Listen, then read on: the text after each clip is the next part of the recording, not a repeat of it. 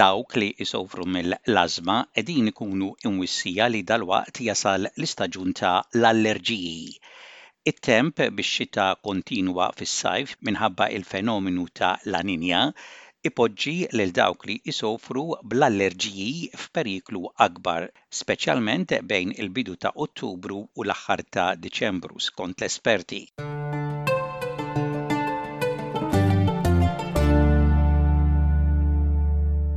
Sfortunatament għal dawk li jsofru mill-ażma, it-temp li jġib miegħu La Niña ifisser aktar minn sajf bix-xita. Esperti qegħdin iwissu biex dawk li jsofru mill-ażma jippreparaw għal dak magħruf bħala l-istaġun ta' l-allerġiji, ikkaġunat mill-maltempati bir-ragħad bħala riżultat tal-bidla fil-klima. Dawk li jsofru bl-ażma jkunu f'periklu akbar bejn il-bidu ta' Ottubru u l-aħħar ta' Diċembru, skont il-Kunsill ta' l-Ażma Nazzjonali.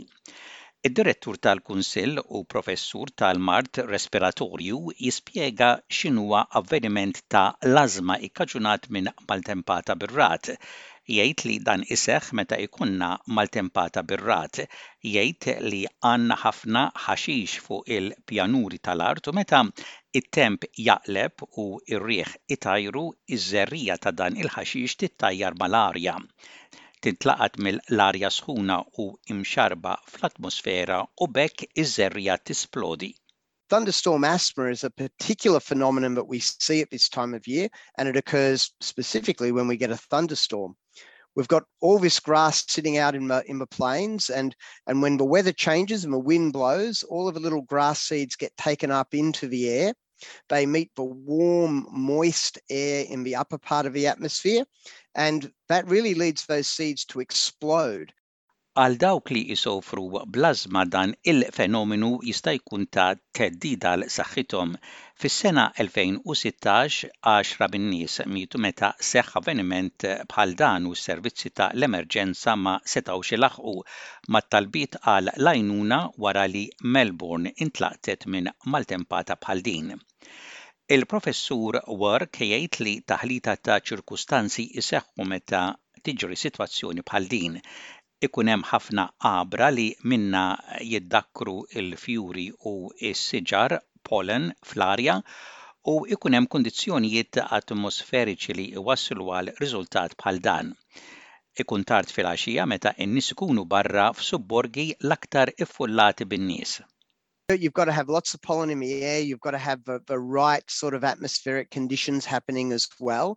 Um, and then the events occur. And of course, it also struck um, very late in the afternoon, just when people were really out and about and going home from work. So it, it was really the worst of those possible circumstances there. And it really hit the populated northern suburbs of Melbourne hardest. And that really resulted in, in thousands of people having worsening asthma um, either presenting to the emergency departments and and, sad, and sadly, of course, 10 people lost their lives.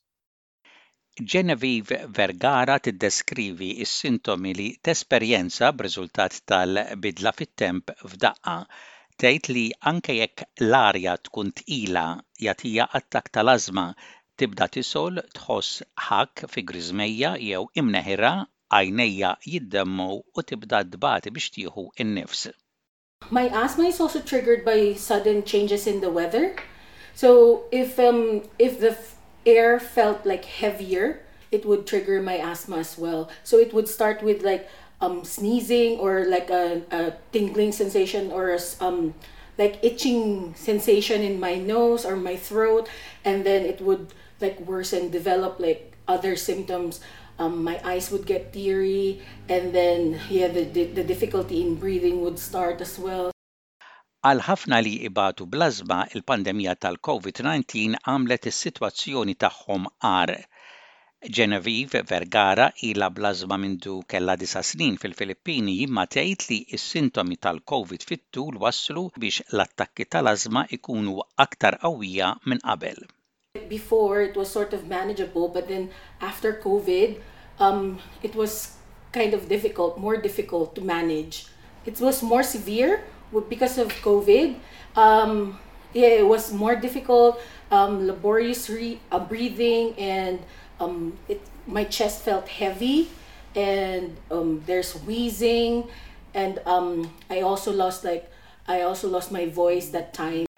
L-Awstralja hija waħda mill-pajjiżi fid-dinja bl-ogħla rata ta' l-ażma, persuna minn kull għaxra hija affettwata, waqt li l-Professur Wark jgħid li avvenimenti ta' maltempati bir-ragħad li jikkaġunaw l-ażma huma drammatiċi ħafna, jinsisti li huwa importanti li dawk li għandhom l-ażma jkunu jafu x'għandhom jagħmlu fil-każ ta' emerġenza.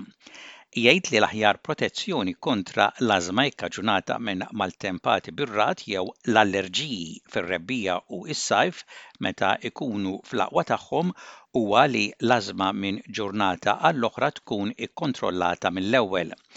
Għal dawk kollha bl-ażma li għandhom 'il fuq minn sitt snin, jekk ikollhom bżonn jużaw Puffer biex jgħinhom jieħdu n-nifs aktar minn darbtejn fix-xahar, għandhom ikunu fuq inhaled preventer regolari. The best protection that you have against either thunderstorm asthma or spring and summer when these allergies are more prominent is to have good day to day control of your asthma in the first place. And for pretty much everyone with asthma over the age of six, if they're needing to use a reliever more than a couple of times a month, they should be on a regular inhaled preventer best really with a low dose inhaled corticosteroid. That substantially reduces the risk